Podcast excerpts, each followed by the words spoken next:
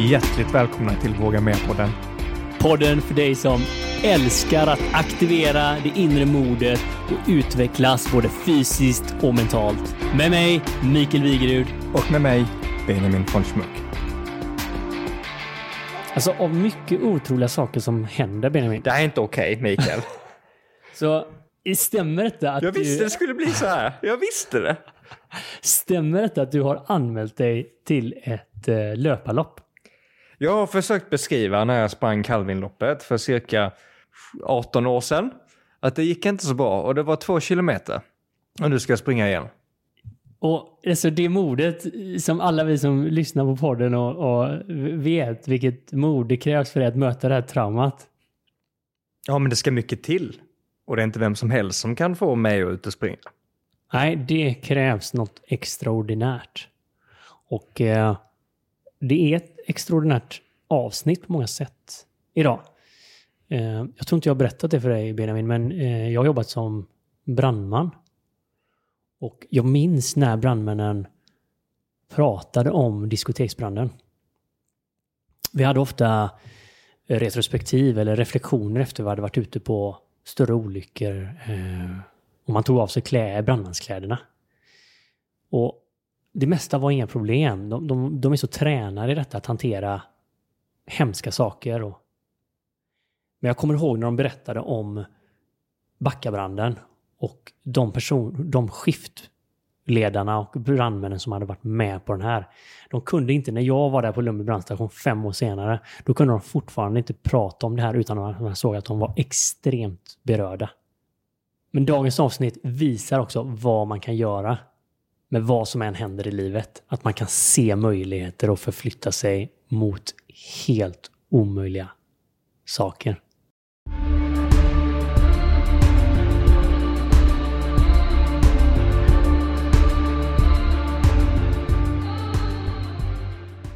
Idag så eh, befinner vi oss här med en eh, sann inspiratör som eh, alla som har kommit i kontakt med honom garanterat har blivit berörda på ett eller annat sätt. Verkligen en eh, som lever i sann våga mera-anda och eh, visar att eh, ingenting är omöjligt. Varmt välkommen till studion Massoud OG. Tack så mycket. Tack. Nice. Sjukt kul att ha dig här. Ja, men jätteroligt att vara här. Tack för att eh, ni bjöd in mig. Jag vet inte ens var man ska börja någonstans. Här finns så mycket att hoppa in på.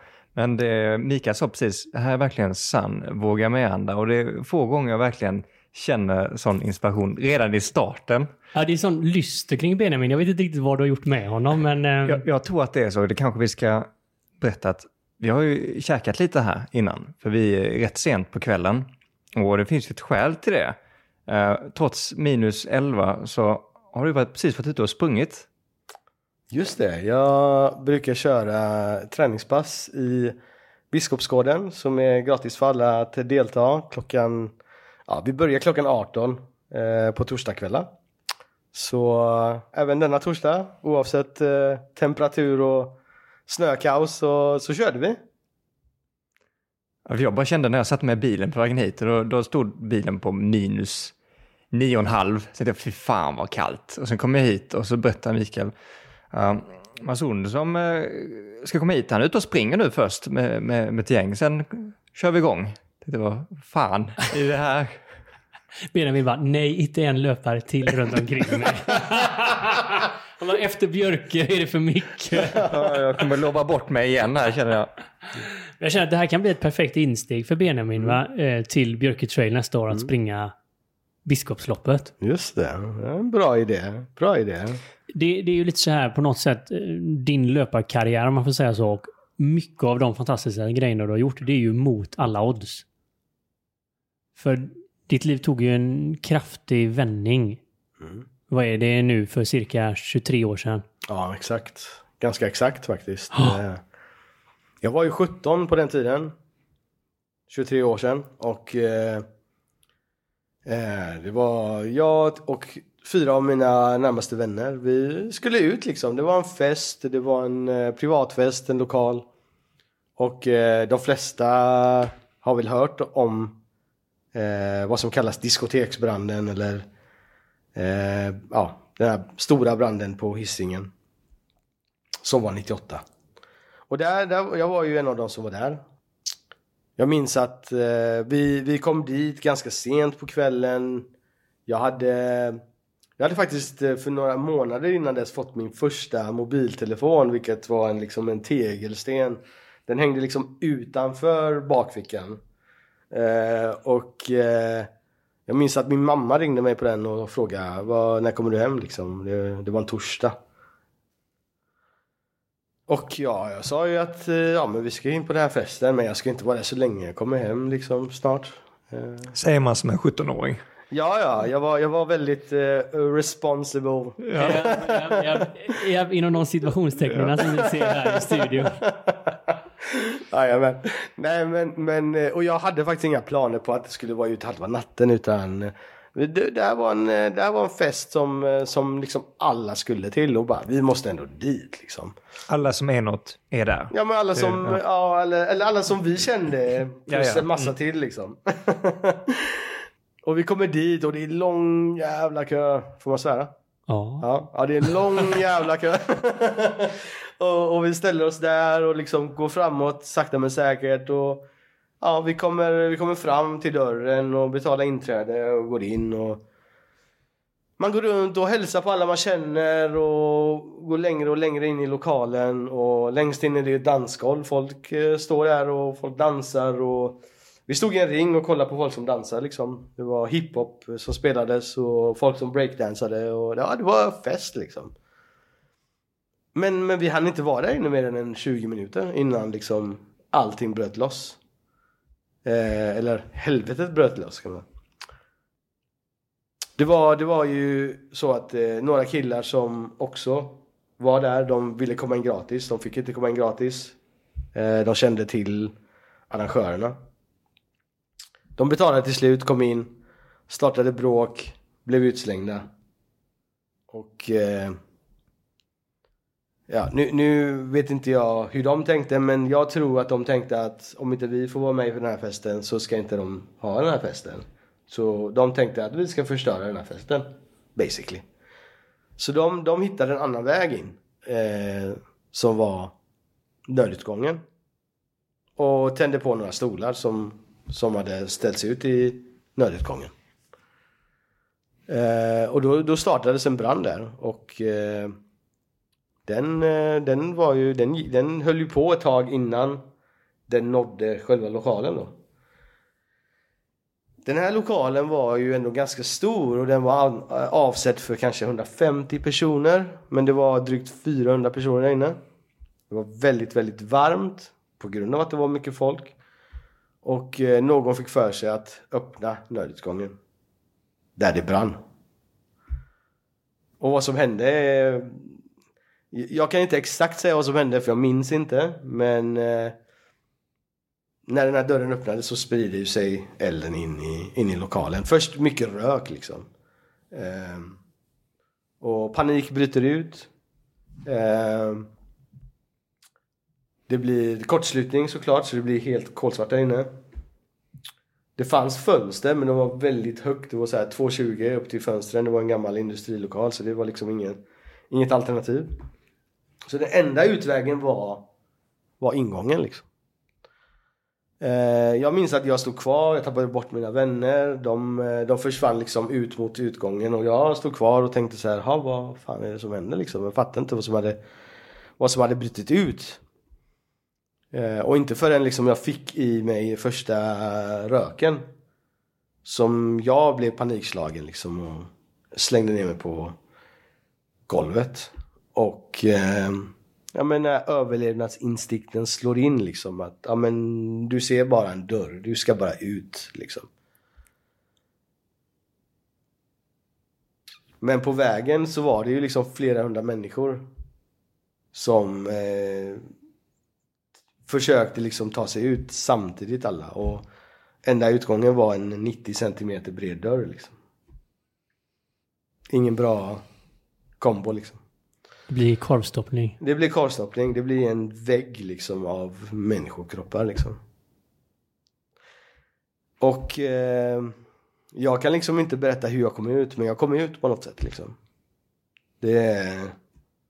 På något sätt så kom jag ut. Jag minns att jag var utanför. Jag minns att jag var i trapphuset precis utanför liksom. Och var helt slut. Jag hade liksom ingen energi kvar. Jag bara låg där i trapporna bland massa bland massa andra kroppar liksom som låg där bara. Och eh,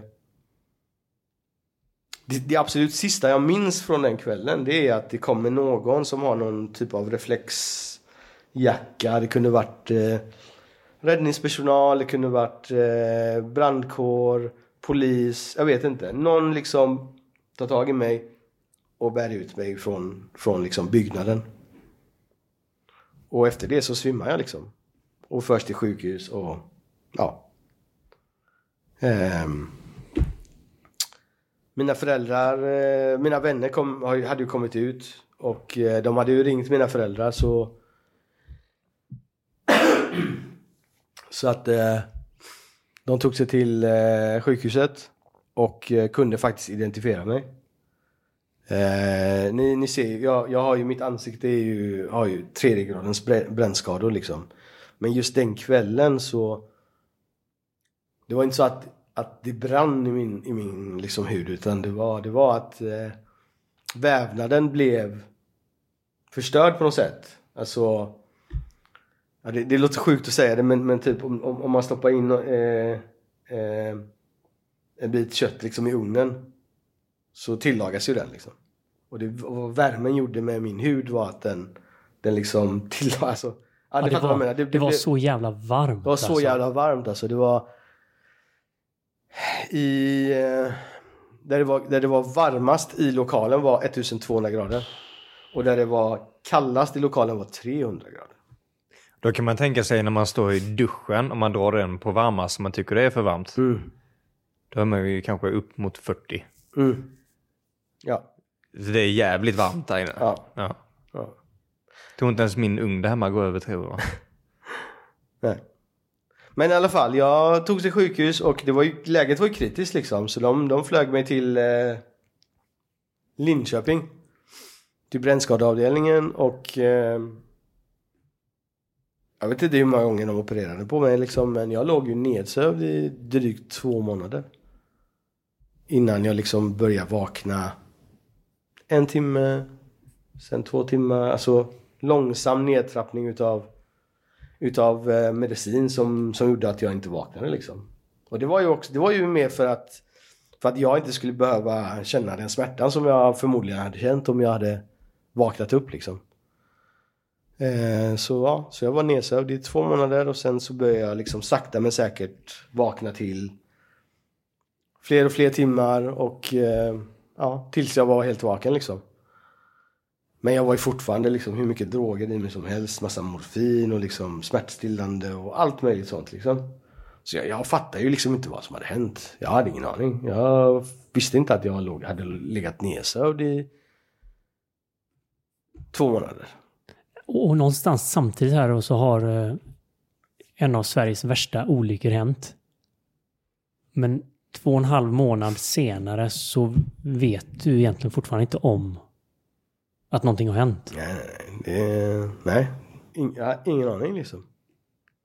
Ja, en, en, av, de, av, mina fyra bästa vänner som jag var där med, en av dem, de hade ju alla kommit ut men en av dem hade gått tillbaka och hjälpt till och sådär. Han hade fått i sig till så mycket rök så att han klarade sig inte, inte liksom. Och det visste jag inte heller liksom. Uh, ja. Det är helt overkligt. Det är helt overkligt. Det är liksom att, att att komma tillbaka till den verkligheten, det, det finns inte på kartan liksom. Det, det tar år att liksom lära sig att acceptera det. Och, och, jag ska inte ens gå så långt och säga att man accepterar det utan man lär sig att leva. Man lär sig att leva med det. Liksom. Ja, med den sorgen och det traumat. Och... Ja, det, ja det, det, man, man, måste lära sig att, att, ta det liksom. Det, eller, det är verkligheten. Det är liksom, du kan inte komma undan det. Nej. Det, är en, det är en del av din historia liksom. Och jag, jag har inga problem att prata om det idag. Liksom. Det, det är inte så att jag gör det på måfå men, men jag har verkligen inga problem att prata om det. För det, det är min historia liksom. Men att komma till den punkten att kunna göra det eh, det, det, det har tagit tid kan jag säga. Men det är så fint också att våga göra det. Eh, Jag tror all, alla har ju sina sorger och Mm. trauman och sånt som är med om. Men det är väl så vanligt att vi inte vågar att prata om det. Mm. Att man låser det och gömmer det kanske. Och, Långt, långt, långt in gömmer man det. Jag har inte det, jag har inte det, vad ska man säga? Jag vill inte kalla det privilegium för det är, inte, det är inget privilegium att låsa in saker. Men jag ser mig själv varje dag i spegeln på morgonen när jag går upp och borstar tänderna. Så det finns inget att, det finns inget att gömma sig ifrån liksom. Förstår du vad jag menar? ja, men alltså, du påminns om olyckan varje gång du tittar dig själv i spegeln. Mindre och mindre såklart. Ja. Jag har ju vant mig vid mitt utseende idag liksom. Det här är jag. Alltså, jag kan kolla på en bild på mig när jag var 16 och bara, ja det där är jag liksom. Men det här är också jag liksom. Och det är, jag har ju levt med det här ansiktet mycket längre tid än vad jag hade levt med det mitt förra liksom. Ehm, men ja, det är... vad ska man säga liksom? Ja, för vi började prata om det här Ja. lite grann innan och, och så insåg vi också hur, hur olika. För du var ju då, Benjamin, detta hände 1998, Jag Då var var du- fem. fem. Och var i Malmö också. Ja. Nej, det var jag faktiskt inte. Jag var i Lund. Va? I Lund. I Lund. Så Ja. till och med en en liten liten håla höll jag på att säga. Ja, då 98 var det en håla. Ja. Idag, alltså, idag, är det, idag är det en... Ja, men då, det är fortfarande aka akademikernas stad. Ja, nu har de ju en så här, eh, eh, vad heter det, partikelaccelerator där. Liksom. Ja, jag Det- fortfarande, den hade jag velat besöka. Nej, jag, jag var fem och jag var i, i, i Lund. Och du Mikael? Ja, jag är ju i periferin kan man säga kring det här. Jag är ju 14 då eh, och i Torslanda. Så det var ju lite kompisar till mig som... Det var framförallt några tjejer vet jag som var på festen eller skulle till festen. Det här var ju en extremt stor fest. Mm. Den fick ett sjukt bass skulle jag säga över hela stan. Eh, av någon anledning. Eh, men då var det ju lite så här olika läger får man säga på den tiden då. Torslanda var ju liksom ett form av läger och eh, mitt på Backaplan som detta var, var ju lite annat. Och så fanns det kanske några som var lite coola då och hängde där på Backaplan. Men vi andra var ju lite mer Torslanda-folk kanske. Jag, jag som inte är då Göteborgsbo, för jag ska fatta det, är det ungefär som de här öfighterna då? Typ uh, Björke mot Öckerö och... Nej, jag vet, jag vet faktiskt inte. Gre, gre, men ja, men, jag, jag, jag, alltså, jag, jag, jag, mitt förhållande till det hela. Jag, jag gick i gymnasiet då. Och eh, 90% i min klass kom från Torslanda. Gick du på Polhems gymnasiet? Ja. Har du någon eh, stora, stor, storebror eller storasyster som jag känner kanske? det är inte helt omöjligt liksom. Nej, det är faktiskt väldigt möjligt. Ja. ja. Nej, så jag, jag, alltså, jag minns några år tidigare när jag började gymnasiet och kollade på min klasslista så var det så här Torslanda, Torslanda, Torslanda. Alla var från Torslanda utom jag och en till liksom, eller två till. Och vi två som var från, från Backa då, eh, jag och Marcus Svensson. Vi, vi liksom connectade direkt första dagen liksom. För att vi var från, från Backa. Och alla, men liksom det sköna var att efter en vecka så kände jag alla, alla var så himla sköna. Det var liksom min fördom om Torslanda som var så här, åh jävlar vad har jag hamnat i för klass tänkte jag liksom. Det var alla jävla Torslanda Ja men exakt. Och så här, min första tanke var att jag måste byta klass liksom. Men efter en vecka så kände jag liksom hela gänget. Och alla var så jävla sköna liksom. Så det var ju min fördom. Men eh, ja, så jag, jag, jag vet inte om, om de här fejderna liksom. Jag, jag är cool Nej, alltså jag har bara blivit skrämd av Mikael som berättade att man ska tända på julgranar och allt möjligt.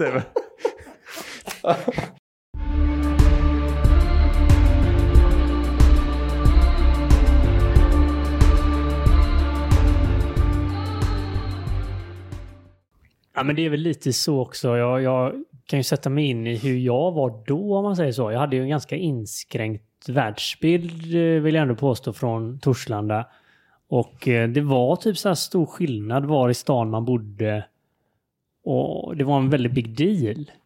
Eh, Så det var ju mycket fördomar också. Mm. Och de bekräftades väl ganska ofta också att det var liksom, du vet om det kom folk från andra förort och sånt så var det bråk och där det var liksom mycket invandrare i Torslanda då på den tiden var ju liksom väldigt mycket Svensson. Mm.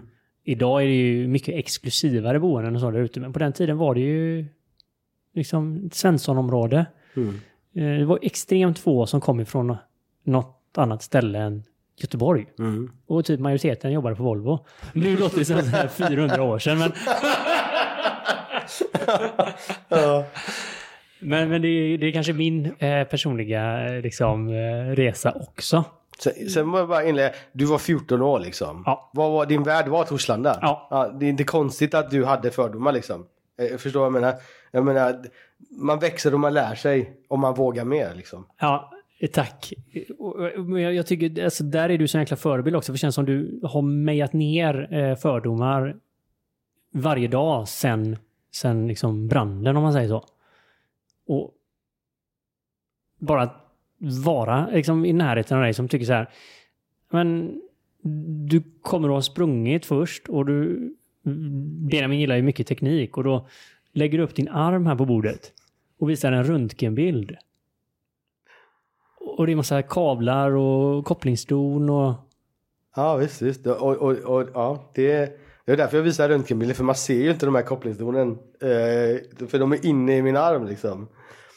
Eh, ja, det är en helt annan historia. Jag, det är faktiskt Chalmers, Göteborgs universitet och Sahlgrenska och faktiskt Lunds universitet och några andra universitet i Europa som jobbar med det här projektet. Eh, och det är alltså, jag läste om det här för typ 4-5 år sedan. Och eh, sökte lite på det och såg att det är en avdelning på Mölndal som, som gör eh, osseointegration eh, eh, operationerna. Och osseointegration är att alltså, man integrerar, osseo är det latinska ordet för ben. Så man integrerar ben med titanskruv liksom. Alltså man, och, och, och titanskruven använder man för att sätta proteser på. Och då, då sitter de liksom de sitter som i benet. Exakt, de sitter som benet liksom. som berget i benet. Ehm, så jag, jag liksom eh, skrev, jag skrev en egen remiss till de här. Och skickade den. Och inom loppet av två veckor så hade jag en tid. Och jag kommer dit och sätter mig där i ett rum med sju personer. Och de bara, ah, vad vill du liksom? Jag bara, eh, jag blev liksom lite, det var lite intimi- intimidation liksom. Jag Sen bara, var det Give Me Robotics, Ja, eh, typ. Iron Man. Ja, nej men jag, bara, jag har läst om det här och jag är intresserad liksom. eh, Och jag tror att jag kan vara en bra kandidat sa jag liksom. Ja. Och så, så skulle de förklara, jo men det låter bra men nu ska vi förklara vad det här är då. Ehm, jo, det är osteointegration, det är någonting som vi har forskat på i 20 år kanske. Eh, fortfarande forskningsstadiet. Men eh, det är något som vi eventuellt kan erbjuda dig. Vad gäller det andra som är liksom sensorer och allt det andra då. Det är för tidigt. Det är liksom två, tre år gammalt. Och det, det, ja, det kan vi inte erbjuda dig för tillfället. Och det här var fem år sedan. Då gick jag ju hem och tänkte så här, "Ah, shit, ja, men om 15-20 år så kanske de har kommit tillräckligt långt liksom. Och, ja men ja, jag ställer in mig på 15-20 år liksom. Um, men jag, jag sa fortfarande, jag är, jag är intresserad av det, av det första, liksom, integration Liksom, för att jag, jag hade protes. Som var som en hylsprotes, man sätter den över, över, över underarmen. Som är jättebra liksom, men de, de sitter inte på benet. Så att, ja. Så det där är jag intresserad av, sa jag. Och sen så hörde de av sig efter några månader och sa att ah, vi gör inte de operationerna just nu för vi har haft komplikationer och ah, ja vi, får, höra, vi får se om några år liksom. Jag bara, ah, okej. Ja, ja, visst, visst. Sen fortsatte mitt liv liksom. Jag jobbade för ett företag och flyttade till Stockholm och jobbade för dem där och liksom, ja, eh, jobbade och jobbade och jobbade och sen så när jag var 39 så sa jag så här, nej, eller 38 var jag kanske. Så sa jag, nej, det här, jag, jag måste ändra någonting. Det, jag kan inte bara jobba. Jag hade ett jätteroligt jobb. Jag hade grymma kollegor. Jag tjänade bra med pengar. Men det var något som fattades liksom. Jag jobbade hela tiden. Jag hade inget eget liv liksom. Det här är så återkommande i podden. Ja, men det... ja, jag förstår detta. Men det är så underbart. Det är så Ja. underbart att våga erkänna det. Ja, men så här, jag mådde inte bra. Jag kände att jag psykiskt, jag mådde inte bra liksom. Och jag, jag menar, jag hade allt det där. Jag, jag tjänade bra och mina, alltså mina kollegor var fantastiska liksom. Mitt jobb var fantastiskt. Det var liksom, jag jobbade, jag jobbade med, jag gör det fortfarande idag, men jag, jag jobbade med att hjälpa människor att fungera bättre på sina jobb med hjälp av tekniska lösningar. Alltså jag skräddarsyr eh, arbetsplatsanpassningar för personer med, med, olika typer av svårigheter. Oftast är det någon typ av svårighet. Det kan vara att man, alltså det kan vara så enkelt att man har grav dyslexi liksom. Och då finns det enkla verktyg som man kan eh, sätta in, utbilda och sen så blir de liksom mer effektiva än sina kollegor som inte är dyslektiker. Till exempel. Liksom. Och, det, och, det, och det är inte bara dyslexi utan det kan vara vad som helst. Så det, det, var typ det jag jobbade med. Alltså det är ju hur roligt som helst. För det är projektbaserat, du jobbar med massa olika människor, massa nya människor hela tiden. Du lär känna människor, du måste tänka utanför boxen. Alltså det, det, det, fan, det var ett fantastiskt jobb. Det finns liksom, men jag hade inget eget liv kände jag. Jag jobbade ständigt. Jag jobbade efter jobbet. Jag gick hem liksom, fått mail av en kund som hade problem. Trodde jag väntade till dagen efter? Nej, jag svarade direkt. För jag vill ju lösa deras problem. Jag vill inte att de ska vänta till... Kan, kan man säga att jobbet blev lite ditt liv? Ja, men det blev ju liksom. Det blev ju det för att jag älskade jobbet liksom. Men det tog över. Och sen så någonstans här så kommer en tanke in. Är de där sensorerna i armen? Inte då. Inte då? Nej, utan jag bestämde mig bara för att säga upp mig. Jag bara, jag säger upp mig. Jag, måste, jag vill hem till Göteborg. Jag sa upp mig, starta eget. Och då när jag startade eget, då fanns det utrymme för att liksom bestämma. Okej, okay, men nu, nu ska jag lägga så här mycket tid på träning. Nu ska jag börja... Nu ska jag liksom... En dröm som jag hade haft var att springa Göteborgsvarvet liksom. Jag bara, jag måste göra det nu liksom. Så jag anmälde mig till Göteborgsvarvet och sen så började jag löpträna. Alltså väldigt, väldigt lugnt. Jag sprang typ 5 km på, på ett band. Och sen gick det två veckor. Och sen sprang jag 5 km på ett band. Och sen gick det en vecka. Och så sprang jag 5 km på ett band. Och så gjorde jag det varje vecka tills det blev mars och det blev lite varmt. Och så började jag springa ute. Och så började jag springa längre. Och så började jag springa fler än en gång i veckan. Så det blev kanske två gånger i veckan. Och 7 kilometer, 8 kilometer, och 9 kilometer och 10 kilometer. Plötsligt så sprang jag liksom 10 kilometer en gång i veckan och kanske 5-6 kilometer den andra, andra passet liksom på en vecka. Och liksom i april, ungefär en månad innan loppet så bestämde jag mig för att gå ut och springa en dag. Det här är 2019 alltså, innan pandemin. Och eh, ja, jag tog en liten runda och så tänkte jag ah, men jag kör en lite extra, extra runda och så blev det en extra runda och så blev det extra. Alltså, och så blev det liksom eh, längre och längre och till slut hade jag sprungit 21,1 kilometer. Jag hade gått också men men jag hade liksom tagit mig 21,1 kilometer. Som är liksom distansen för Göteborgsvarvet. En månad innan loppet. Och då hade jag liksom psykologiskt redan gjort Göteborgsvarvet. Så för mig var det liksom bara fortsätta min träning och köra 10-12 kilometer i veckan liksom. Tills loppet eh, eh, skulle gå av stapeln liksom. Och det var liksom, det var det roligaste jag någonsin hade gjort liksom. Alltså det, det... Ja, och grejen är att året efter året efter så så kom ju corona och det blev inställt och jag hade bara längtat och längtat och bara nej! Alltså ja, det var så jobbigt. Och även i år. Så vi får se hur det blir nästa år. Jag hoppas att det blir av liksom. För att det är liksom det, är det roligaste loppet jag har sprungit hela mitt liv. Jag, jag har sprungit många lopp eh, by now liksom. Eh, ja, så det, det, var så det, det var så det startade liksom. Hur, hur, långt var det här så att man förstår? När du vaknar upp om man säger efter att ha varit eh, i koma så länge mm. som du var. Mm. Hur, hur långt liksom ens är det att du ska kunna springa någon gång igen? Oj jäklar så här är det, när jag vaknade då kunde jag inte prata. För jag hade liksom... Nu är vi från dagen, vad är det, det här är 23 år sedan. Så vi är 23 år bakåt i tiden. Ungefär. Ungefär. Ja, om man säger 99. Eh, 98, 30 oktober var, var själva händelsen. Sen så var jag nedsövd i två månader. Sen vaknade jag. Och jag menar, även om jag var vaken så kunde jag inte kommunicera. Jag kunde höra. Eh, mitt sätt att kommunicera var att blinka ja. Jag, jag har bara ett, ett öga kvar dessutom. Blinka ja för en, alltså en blinkning och nej för två blink, alltså två blinkningar för nej. Det var liksom mitt sätt att kommunicera i början. Jag hade en grej i halsen som eh, som gjorde att jag inte kunde prata liksom. Och när den togs väck så tog det ett tag innan jag kunde liksom börja börja prata och eh, jag gick ju hos en logoped för att jag skulle lära mig att prata ordentligt liksom. Ehm, jag, jag, jag, för hur är det här? Alltså, din kropp är i princip alltså, den är nästan...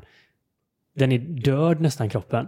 Men du är den är inte död. levande. Den är inte död men den, den, är, den, är, den har gått i, Som tur var så cyklade jag mycket innan min olycka och jag gymmade mycket så jag, jag var ändå jag var lite, lite tjock men jag, alltså jag, var, jag, var, jag, var, jag tränade liksom. Jag vägde runt 90-92 kilo. Och när du ligger still i två och en halv månad så försvinner ganska mycket. Du checkar ut. Ja, inte medvetet. Nej, men- men jag checkar ut liksom. Ja. Och när jag vaknade och liksom... Jag kunde ju inte ens eh, resa på huvudet. Jag kunde inte ens sitta upp liksom. Jag vägde 52 kilo som lägst. Alltså jag förlorade ganska mycket.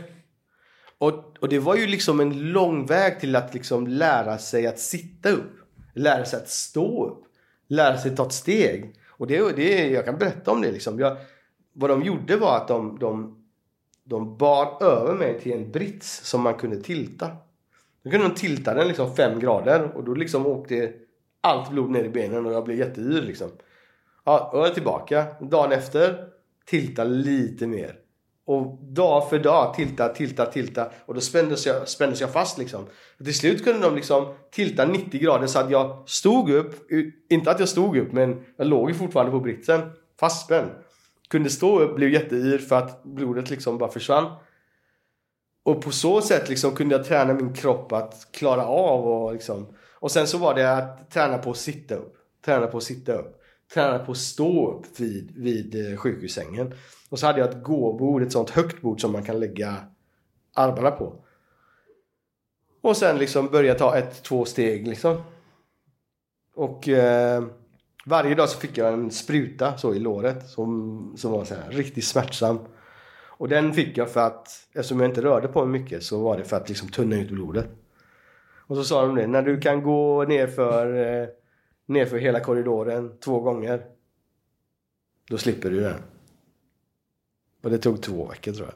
Så hade jag, så hade jag gjort det för jag bara inte ha den där jävla sprutan liksom. De gjorde bara Men ont. fick du ett mål där då? Något att Ja kämpa men för? exakt. Ja men exakt. Och de, de antar att det var lite medvetet eh, från liksom deras sida. Men de såg det i dig eh, någonting där att eh, Det gjorde de. det finns en fighter. Alltså det gjorde de, för jag minns, alltså jag minns inte, men min mamma berättade för mig liksom när jag låg nedsövd. Så, ja, de gjorde ju operation hela tiden. Och så hade de gjort en ganska stor operation.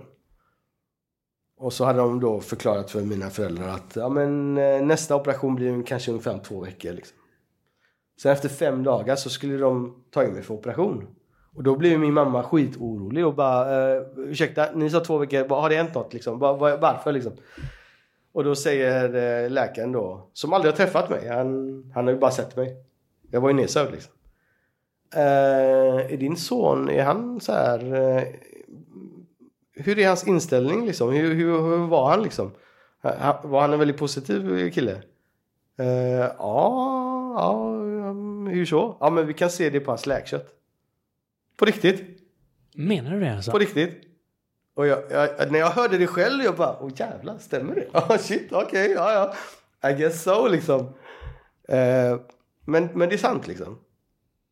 Och eh, ja, då, då kunde de istället för två veckor, efter fem dagar, kunde de liksom åt, gå in och göra någon annan typ av, eh, någon annan operation. För att de, de, eh, de kunde liksom, eh, ja men de, de kunde, de kunde se att, ja men nu kan vi gå vidare. Nu, nu är det tillräckligt läkt, liksom.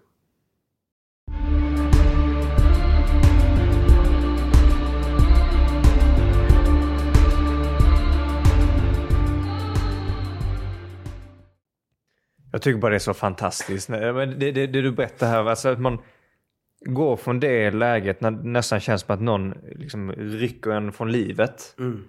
till att sitta här och bara, "Ah, jag ska springa maraton nu. Ja du, det är inte bara bara. Nej.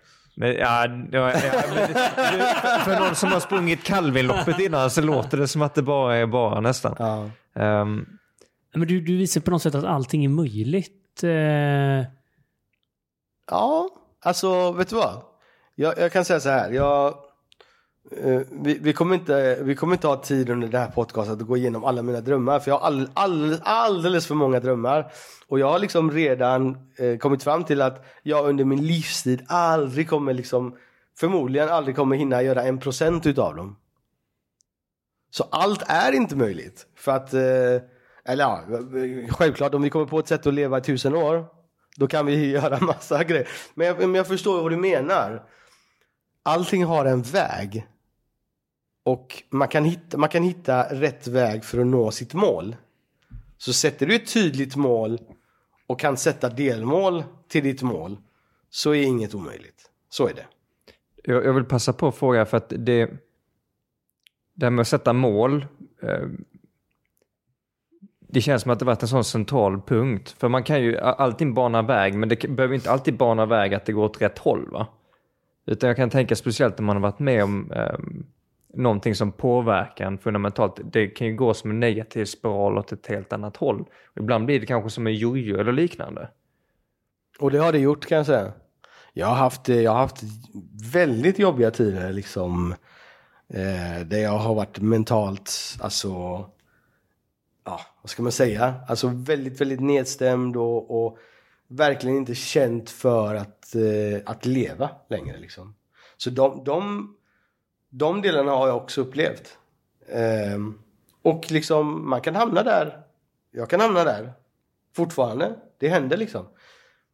Men jag har också hittat strategier för att liksom eh, ändra mina tankebanor och eh, ja men löpningen är faktiskt en sån grej att jag vet att om jag vaknar en dag och känner mig skit och har negativa tankar en av de bästa lösningarna gå ut och ta en löprunda. Det behöver inte vara, behöver inte vara högt tempo, det behöver inte vara långt, du behöver få lite puls, du behöver svettas lite. Eh, det funkar varje gång. Nu, nu, nu kommer vi in på det här. Jag, jag älskar sånt här. Nu kommer vi in på, på att hitta liksom metoder och, och lösningar på uh, att liksom rycka en själv ur stolen lite grann. Vilket är nog mitt största problem själv. Mm. Har du några så här tips? Löpning var en grej. Mm. Mikael, du har också en hel bra tips just på det här med, med hur man kan tänka annorlunda. Jag tycker det är så spännande här hur du sätter ord på effekten också av, av när den här läkaren säger att eh, är det här en positiv kille? Mm. Har han ett positivt mindset? Vi kan se det på hans läkeprocess. Det är lite overkligt fortfarande, kan jag tycka. Men det är ju det som man ser mer och mer inom forskningen och egentligen essensen av, av yogan och meditationen och de här bitarna. Att, att omprogrammera sig själv så att vi skapar en bättre inre miljö och så också en bättre yttre miljö. Alltså hur de här är sammankopplade. Och det är så fräckt att höra det när du säger så här, nej men jag har strategier att justera mig själv Mm. idag. Mm. För jag har varit där det känns skit och jag har varit där det känns grymt. Och vi vill ju ha mer av det andra. Vi vill ha av Jag det tror de flesta människorna skulle ansluta sig Ja. till den klubben, men det är ju helt upp till var och en. Men, men jag måste bara också säga en sak. Eh, jag, jag, tror, jag tror att det är, eller så här, jag har någonstans kommit fram till att, att det är inte farligt att må skit. Liksom, man måste tillåta sig själv att må skit. För att så fort du accepterar att ja, men, så här får jag må, då mår du genast bättre. Det är liksom en sån grej. Alltså jag, jag minns att jag, när jag mådde som sämst liksom. Jag kunde gå två veckor, jag, jag låste in mig, stängde av mobilen. Du vet, jag, jag, bara, jag bara kopplade bort från allting, mådde skit, låg och sov. Alltså mitt sätt att koppla bort var att sova. För att då kopplade jag bort allting. Och så, jag kunde sova bort eh, två veckor liksom. Och må skit alltså. Men när jag väl lärde mig att tillåta mig själv att må dåligt. Ja, då gick jag ändå upp på morgonen, fixade frukost. Okej, jag tog inte emot några samtal. Dörren var fortfarande låst. Men jag gick ändå upp. Jag bara okej jag måste ändå ta hand om mig själv liksom. Laga frukost och fixa. Kolla på en film. Gjorde saker även om jag var själv och liksom eh, ja, inte ville, hade lust att ta emot ett samtal liksom. Min morsa kunde ringa jag bara, pallar inte snacka med henne liksom. Inte för att jag inte gillar men jag, jag nej, pallar liksom inte. Nej. Och det är okej. Och hon förstår. Och det är viktigt att kunna prata om det. Ja. Ehm, så liksom, man måste kunna få må dåligt. Ja, men jag tror alltså, det här är så himla viktigt. Eh, I en tid där jag skulle säga, alltså vi pratade lätt om att det ska vara så positivt och det ska gå så bra och så har vi Instagram som ska premiera detta. Men vi alla mår ju dåligt i perioder. Korta eller längre eller you name it. Men att våga vara i det. Att våga känna allting som händer och känslorna. Och bara där så säger du att det blir egentligen en, en stor förändring på den dagen. Mm. Från att vara typ helt deprimerad i sängen och inte gå upp. Mm. Till att acceptera det. Att, Det var precis det jag tänkte fråga. Så det känns som att det handlar om mycket acceptans. Kan man säga det? ja, absolut. Ja. För, för, och raka motsatsen till det är väl att man, om man, om man kanske mår dåligt men man väljer att inte acceptera det. Att man liksom, vi pratar lite grann om att man kanske låser någonting inne. Mm. Eller att man, ju, man trycker ner det. Mm. Ja, man trycker ner det och flyr från det på något sätt. Mm. Och det är en naturlig reaktion tror jag. Vi, jag tror att det är liksom en så här överlevnadsinstinkt som man, som man har. Som man bara, inte nu. Jag vill, jag vill, ja, man lägger locket på liksom. Det är, det är en natur, naturlig instinkt tror jag. Som gör att man gör det. Men man måste medvetet liksom plocka fram det. Och jag skulle säga, det handlar inte om att, alltså det är viktigt att prata om det, visst. Men det, är- det, det är flera steg framåt liksom. Man måste acceptera sig för sig själv. Ja, Det är där det börjar. Man måste vara ärlig mot sig själv och säga okej jag mår dåligt, jag mår skitdåligt, det är skitjobbigt, det är liksom Fuck det är pain alltså. Men vet du vad? Jag måste få, jag måste få må så här liksom. Om jag, om jag får må så här, ja men då, då, finns det, då finns det en chans till att jag mår bättre imorgon. Liksom. Mm. Det, det, det, det är en sån grej som jag kom på. Jag har kommit på det flera gånger. Jag har kommit på det så jag har glömt det och så bara vänta nu. vänta nu. Ja vänta nu. Ja men just det, just det. Det här kom jag på för ett halvår sedan. Okej, ja men det är okej att må dåligt. Idag, idag mår jag dåligt. Idag stänger jag av telefonen liksom. Det, det, det, det, och det är okej. Det får vara så ibland. Ja, men, och det här är ju en av dina insikter som också blivit en strategi. Det, det hör man ju väldigt tydligt. Ja, absolut. Att det är okej att må dåligt. Redan där. Mhm. Litet skifte. Hur fungerar det? Kan man... Jag vill inte hänga för mycket på att må dåligt, Nej. men, men säg man gör det och så typ ska någon så bara, ja men ryck upp dig. Det- det, kan, man, kan, man, kan man rycka upp sig eller liksom bryta närvaro? Eller är det så att man måste gå igenom det? Hur, Alltså det beror ju på vad det är man går igenom såklart. Eh, men eh, men en, en grej är ju, som jag sa förut, löpning. Det är någonting som tillför endorfiner. Eh, pff, alltså jag får ett sånt lyckorus efter löpning. Det behöver inte ens vara långt längre liksom. Det tog flera månader innan jag fick den första liksom. Jag bara oh my god. är det det man kallar runners high? Runners high. ja. Det är det? Alltså. Ja, och det är liksom man, man är så här helt skrattig och lycklig. Man bara, jag vet inte vad jag ska göra av det liksom. Det, det, det där är någonting som, som är snap out of it egentligen. Eh, sen kan det vara så här, jag kan må skitdåligt en morgon och bara Fuck, jag måste gå upp, jag måste, jag måste gå ut och springa nu för att det här är, jag pallar inte. Och sen så ligger jag ändå kvar.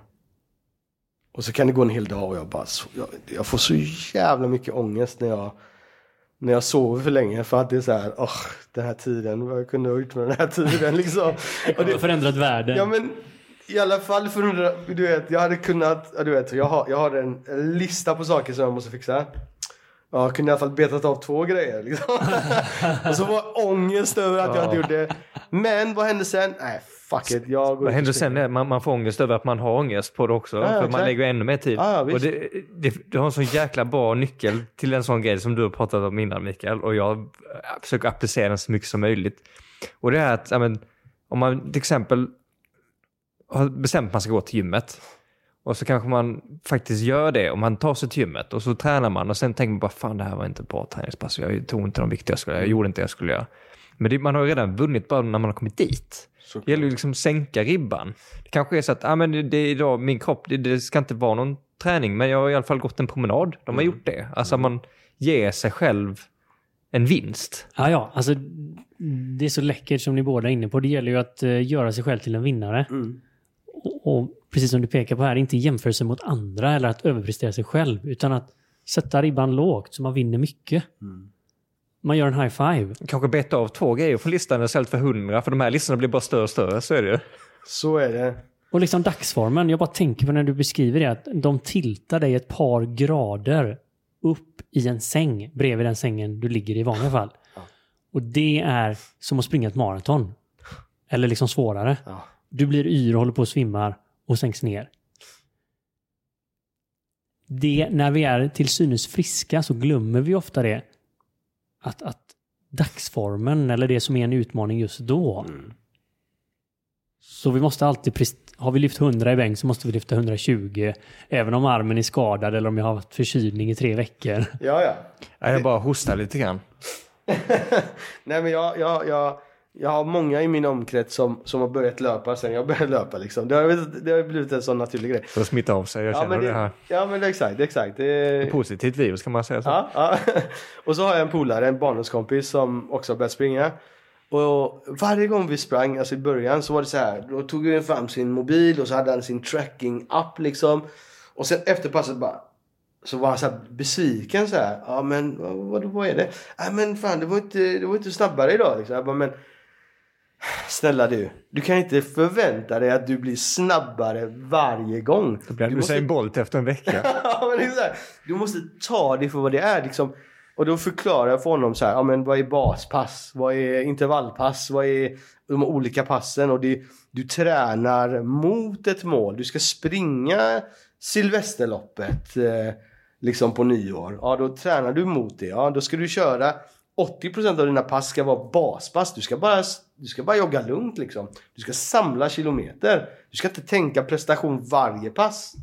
Utan en prestation är att gå ut och, och, och jogga 5 kilometer. Det behöver inte vara dina snabbaste 5 kilometer. Det är en vinst att, att ha sprungit några kilometer. Ja, för annars, annars vad, vad, är, vad är liksom... Vad, vad, alltså så här. Om du springer 5 kilometer i ditt lugnaste tempo så är det värt så mycket mer att inte springa 5 kilometer alls. Ja då, ja Det är en vinst. Ja, Eller men det, det är sån himla stor skillnad. Ja, Och det är bara mindset. exakt. Alltså allting som har hänt i de här exemplen är ju exakt samma. Men baserat på hur man avslutar och ser på det hela så kan det bli failure, jag var långsammare än senast. Eller fan vad kung jag var som tog mig ut idag. Trots att det är minus eh, 9,5 grad, i alla fall biltermometern. Ja, ja. Men jag, säkert Och det blir så logiskt ja. när man pratar om det. Ja. Att Tänk om man varje gång kan ladda sig så med en positiv laddning. ja. Alltså för det här har ju inte med någon annan att göra. Det är bara med mig Mm. eller med er att göra. Internt. Man ser inte ens någon skillnad på utsidan. Men man kan tänka som ett batteri. Typ skjuter jag in, jag laddkabel. Jag tänker så här, jävlar vad grymt Mikael, du gjorde det idag. High five. Mm. Eller, fan vad kast du var. Kolla min pulsklocka säger att jag är 70% sämre än senast. Alltså, alltså, min pulsklocka säger varje dag du, du har inte sovit bra. Du måste, du måste återhämta dig mer. Och jag bara sug liksom. Och du bara, jag är svinpigg. Jag, jag, jag kan rädda dig från det här. För jag gjorde samma sak. Eh, när jag bodde i USA så höll jag på, jag vet jag gjorde DNA-tester och allt möjligt. Och man får liksom, det här är du i en bok. Och så köpte jag en sån här Garmin-klocka. Det skulle vara, det skulle gås och det skulle tävlas och det skulle allt möjligt. Och pulsen skulle kollas och sömnen skulle kollas. Och jag kände det också, jag kunde vakna imorgon och bara, "Ah, jag, jag känner mig utvilad. Så kollar man appen och bara, du har sovit jättedåligt. Man bara, fan vad dåligt jag har sovit nu helt plötsligt. Men då ändrar man sin verklighet. Ja, man gör ju det, för då säger den att det inte är bra. Ja. Men jag tror att hade man gjort tvärtom som en placeboeffekt, att man vaknar lite grann bara, ah, fan jag är seg, men så appen bara, du har sovit jättebra. Och bara, jag har sovit bra nu. Helvete vad fräsch jag känner mig. Ja. Så jag faktiskt, jag använder inte den längre. Nej. Jag använder den varje dag och den säger till mig att du har sovit dåligt varje dag. Men jag bryr mig inte. Så kan man ju också göra. För jag bara, okej jag har min maratonträning. Jag måste samla 44 kilometer den här veckan liksom. Ja. Det, det, Men du liksom... springer ju inte i sömnen. Nej exakt. Nej. I wish I could. Men det kanske är så, jag vet inte. Att man vaknar där, bara, gjorde jag tre kilometer i natt? Ja. Ja, det, det är helt underbart alltså. Finns det andra så här mentala knep du har eh, genom åren? Ja, alltså, ja men så, så här, jag, någonstans, jag minns inte hur eller när eller var, men någonstans så, så lärde jag mig att se möjligheter. Och de finns överallt. De finns verkligen överallt. De finns runt varje hörn liksom. Men du måste lära dig att se dem. Om du ska tipsa mig och se möjligheter. Ja, men då måste jag Vad faktiskt... ska jag göra för någonting? Ja, men vet du vad? Förutom, för jag, kan ska springa, bara- jag ska springa med, det vet jag. Ah, nej, nej, det där är, det Det är en helt annan grej. Det vet vi att du ska. Men, men, eh, men om, jag ska, om jag ska hjälpa dig med det, då måste jag dels hänga med dig eh, ett par timmar minst. Och eh, veta vad du, vill, vad du har för mål. Och eh, utifrån det så kan jag lätt visa dig och lära dig hur du kan Så, om vi bryter ner lite som, Mm. Nu tänker jag om man, om man lyssnar till detta. Mm. Så bara, ja, visst, det, man behöver ha en förståelse Mm. för personen. Man tänker hur du har guidat här. Men också när vi kommer tillbaka till en grundgrej och det är målet. Eller Ja, målen. absolut. Absolut, så är det. Så är det. Jag, kan, jag kan ge bara ett kort exempel just idag. Eh, jag, jag ringde och sa att jag kommer bli sen för att det är snökaos. Och, eh, jag, jag satt på en buss liksom från Hisingen och så skulle jag byta till en spårvagn. Och jag bara, hur kommer det här gå liksom? Och så när jag satt på bussen så tog jag fram en app, en av de bästa apparna, Nästa vagn heter den. Kolla så här, nästa vagn, när går nästa vagn? Okej. Eh, två mot Mölndal, fyra mot Mölndal. Det är de två. Okej. Jag satt på 17, den stannar vid Nordstan. Inte vid liksom Brunnsparken eller Centralen. Och så säger jag så här, okej. eh, snart, väldigt, väldigt snart så, så går tvåan liksom.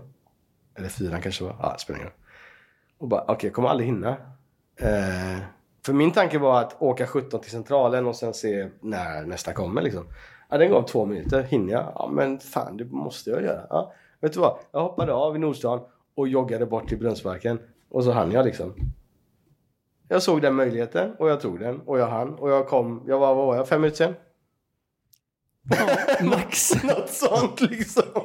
Men alltså, ja, det är ett och sätt det, att se och det är bra jobbat när hela liksom, lokaltrafiken nu just denna vecka efter kaoset, det är, det är lite mer än fem minuter tidsskillnad kan man säga. Jag hade tur. detta är Jag hade tur Är också. detta något du har byggt upp och tränat med tanke på liksom, allt du gått igenom när du börjar med din kropp från noll? Alltså, eller är det här något... Hur, hur kan man applicera den här möjlighetsteorin som du berättar i...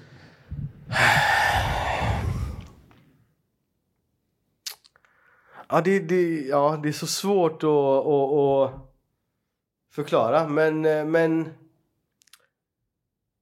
jag ser dem överallt liksom. Eh, Så det handlar egentligen om att ha på sig de glasögonen. Kan man nästan Ja. se det som att man letar lite grann? Man, man kan för... leta och man kan också... Alltså, jag, kan, jag, kan, jag kan ta ett annat exempel. Eh, ja, Nej, nej, jag Ja. vet inte om du har... ett- Jag tänkte Nej, jag bara- precis- innan vi satte på mickarna Mm, så berättade du att du hade varit i Afrika och tältat en månad.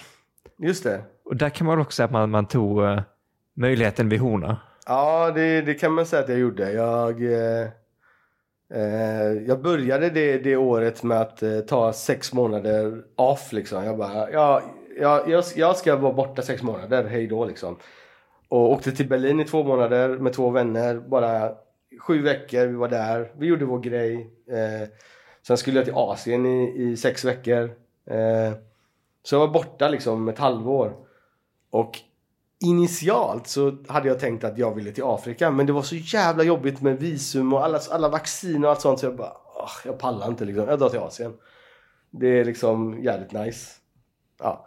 Så, så jag drog till Asien och på väg hem så fick jag ett meddelande på Messenger. Hej, vi söker dig, vi försökte komma i kontakt med dig. Lalala, så här. Ja, det var något produktionsbolag. Jag är gammal filmproducent så jag tänker så här, vad, försöker de liksom rekrytera mig i något produktion? Så här, jag, har ju, jag har ju slutat jobba med, med filmproduktion. Men jag tänkte jag svarade så här, ja men jag är i Malaysia just nu men jag är på väg hem, ring mig imorgon. Liksom. Så ringde de imorgon, ja det är en eh, dokumentärserie och jag bara, ja men jag är inte intresserad tänkte jag säga. Men jag tänkte, ja men jag, lyssna, lyssna ändå, lyssna ändå. Det är så här, det kan vara något. Ja, då berättar hon då. Ja, det är en dokumentärserie, det är en vandring genom Afrika. Jaha, okej. Okay. Fortfarande vet jag inte att de vill ha mig som deltagare. Jag bara, okej, okay, men det här lät intressant. Jag vill ju till Afrika liksom. Så här. Ja, och vi tänkte, och sen när de förklarade, då fattade jag så här, ja men det, det är som deltagare liksom. Jaha, okej. Okay. Och jag har alltid, i alla fall då, varit så väldigt mycket emot att vara med i dokusåpor. Liksom. Det är så här, inte min grej. Det var typ en av anledningarna till att... Jag tänkte det precis som man har den bakgrunden som att man har varit producent. Blir inte det jättekonstigt? Det, det blir jättekonstigt. Plus att jag så här, en av de anledningarna till att jag slutade jobba inom branschen var, var liksom de här... För jag bara så här, jag vill inte jobba med sånt där liksom. Nu var det Afrika så jag var så här, då, då, jag, då blev jag lite intresserad. Men sen så var det så här, okej okay, du ska vara med framför kameran på en dokumentärserie. Jag var fortfarande intresserad liksom. Jag bara, okej okay, det låter häftigt men så här, vad är det liksom? Och så berättade de och berättade och berättade. Och, då, och sen när de hade berättat så var det så här, okej okay, men det här är ju fan intressant liksom. För det är ingen tävling. Vi skulle vara där, vi var en grupp. Tio personer, alla med någon typ av funktionsvariation eller funktionsnedsätt, ja vad det nu heter. Eh, om man ska vara PC, whatever. Eh, och vi, målet är att vi ska hjälpa varandra att nå ett mål. Och jag bara shit, det här låter fett liksom. Jag jobbar med mål hur länge som helst. det, det, låter nice. Easy, easy. Ja. Ja. Så jag bara, visst så här, ja men jag är intresserad. Så här, ja. Jag fick fylla i massa blanketter, jag fick träffa en psykolog, jag fick göra fystest, massa grejer. Och sen efter några veckor så ringde de, ja du, ehm, ja men du är en av de utvalda. Jag bara okej, okay, nice liksom. Ja, nu måste jag börja träna. um, och sen så var vi iväg. Och det var faktiskt, den resan var en av de första grejerna som öppnade upp öppnade upp liksom min, min tanke i vad, vad, vad, vad som är möjligt fysiskt. Det var liksom efter det som jag bestämde mig för att cykla genom hela Sverige. Det var efter det som jag började med löpningen och liksom eh, för det var liksom under 30 dagar så gick vi varje dag alltså man såg tydligt hur ens kropp förändrades. Men jag märkte att efter 5-6 dagar så hade jag inte träningsverk längre. Liksom.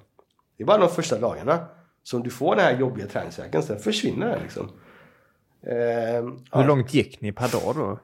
Alltså vi började ju gå några kilometer. Ja. Men sen så blev det längre och längre och längre. Men det, jag tror att som mest en 3-4 mil liksom. Träningen i sig, visst, men alltså att tälta i Afrika.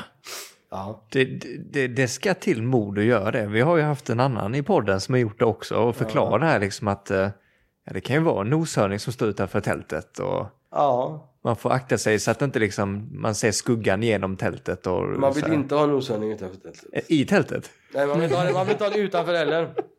ja. Nej men vi hade ju, vi hade ju, alltså vi låg i tälten och kunde höra hyenor, vi kunde höra lejon, vi kunde höra flodhästar liksom. Ja. Elefanter, alltså vi, ja, allt det där fanns utanför. Det, är ju, det, det känns ju som en jäkla skillnad från när man liksom växer upp uh, i storstan i Sverige. man får passa sig för huggormen, ja. det, det, inget man dör Men vi hade en väldigt, vi hade en riktigt grym eh, expeditionsledare. Eh, Natasha Illumberg som Alltså jag känner mig så jävla trygg alltså. Plus att liksom där det var farligt, inom citationstecken, där det var farligt så hade vi liksom vakter på kvällarna som hade liksom en eld och liksom vaktade.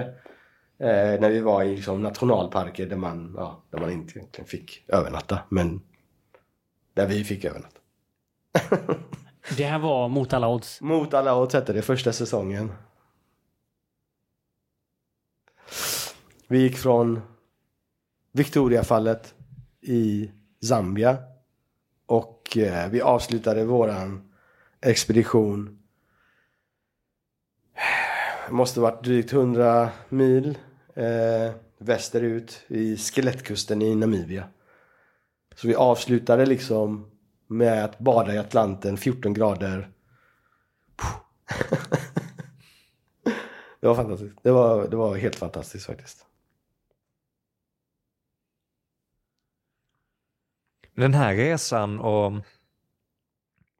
alla de här grejerna som kommit, kommit upp och möjligheter. Så här, vad, vad händer framöver?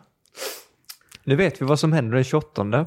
Just det, den 28 kan man alltid eh, komma till Biskopsgården och springa 5 kilometer. Gratis anmälan, biskopsloppet.se. Kan man inte komma till Biskopsloppet så kan man göra det virtuellt. Från Ja. den 13 december. Men alla ska komma här känns det som. Ja, men jag tänker att, äh, ni ja, men jag tänker folk som inte har möjlighet. Ja, ja, ja. Om man är ute i landet menar du? Ja. Inte kan resa dit? Ja, men exakt. Då kan man faktiskt Ah, ge sig coolt. ut och göra det virtuellt. Så det finns man, inga undanflykter. Har man hört det här i podden så spelar det ingen roll om man bor i Luleå, Malmö, Göteborg. Vill man bidra till eh, folkhälsan så kan man göra det. Ja, Ja. det känns som ett genomgående tema. och, och sen då? Mycket bra fråga. Det är mycket grejer på bucketlisten ju. Det är mycket på bucketlisten och eh, Du är ute och håller föreläsningar. ja, jag föreläser en del. Eh, det har ju varit väldigt svårt nu med corona. Men, eh, men jag gör en del föreläsningar och eh, det är, min föreläsning består oftast utav en, en insp- inspirationshistoria liksom, där jag berättar om vad jag gått igenom och eh, vad jag gjort och vad jag ska göra. Basically. Eh, det är alternativt den föreläsningen då som är ute hos företag och, och föreningar, eh, ja, skolor, allt möjligt, kommuner. Eh, och sen så har jag en annan föreläsning som är mer brandsäkerhet och det är oftast ute på skolor. Och eh, många gånger så är det också skolor som har haft eh, problem med, med barn som kanske liksom tuttar på en eh, papperskorg för att slippa ett nationellt prov. De, de har inte, de tror inte och förstår inte eh, de konsekvenserna som det kan leda till. Eh, och då, ja, då brukar jag, ja inte, inte brukar, men de, de, de skolor som känner till mig brukar bjuda in mig och då, då blir det en mycket mer allvarlig föreläsning där jag berättar om konsekvenserna och berättar vad som har hänt med mig liksom. Och, eh, självklart så avslutar jag det med en positiv grej liksom för att ja, men vi, ja, jag har gått igenom det men, men det kan gå bra ändå liksom. Men fortfarande det är dumt att leka med eld. Är det ju. Mm. Om man hör ehm, på detta nu och känner sig inspirerad och vill få kontakt med dig eller kanske Mm. boka upp någonting. Mm. Hur gör man då? Antingen kan man eh, mejla mig på masud.variative.se Eller så finns jag på Instagram, Destination Marathon Eller Biskopsloppet eh, Så det, det är inte så svårt. Eller så söker man bara på Masud OG. Men det är ju riktigt härliga inspirationskonton, både Destination Marathon och eh, Biskopsloppet. Där, där får man ta del mer av din energi ju. Och, Ja, absolut. det har varit en eh, stor ära att ha dig här eh, idag. Och tack så mycket för att du kom till Våga Mera-studion. Tack för att jag fick komma. Eh, Det här har varit skitkul. Tack.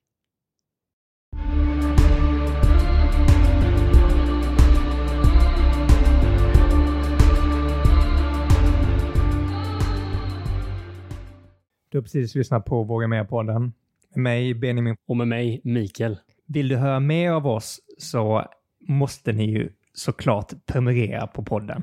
Och det gör ni genom att ni klickar i den här klockikonen där poddar finns. Det brukar vara som en, en liten, liten, liten ikon. Så se till att ni hittar den så är ni med nästa avsnitt och nästa igen och nästa igen och nästa igen och ni är alltid uppdaterade. Och är det en sak som vi verkligen tycker om i Våga Mera-podden så är det ju att vi tillsammans engagerar oss. Så in på våra sociala kanaler, kommentera, dela och inspirera varandra. Ha en magisk vecka till nästa gång så syns vi snart igen.